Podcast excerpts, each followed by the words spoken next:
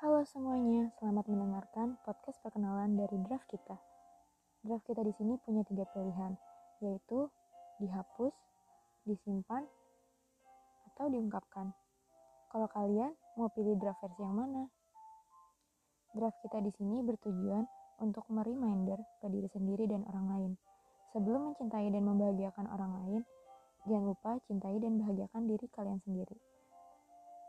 Sampai ketemu di edisi podcast draft kita selanjutnya ya.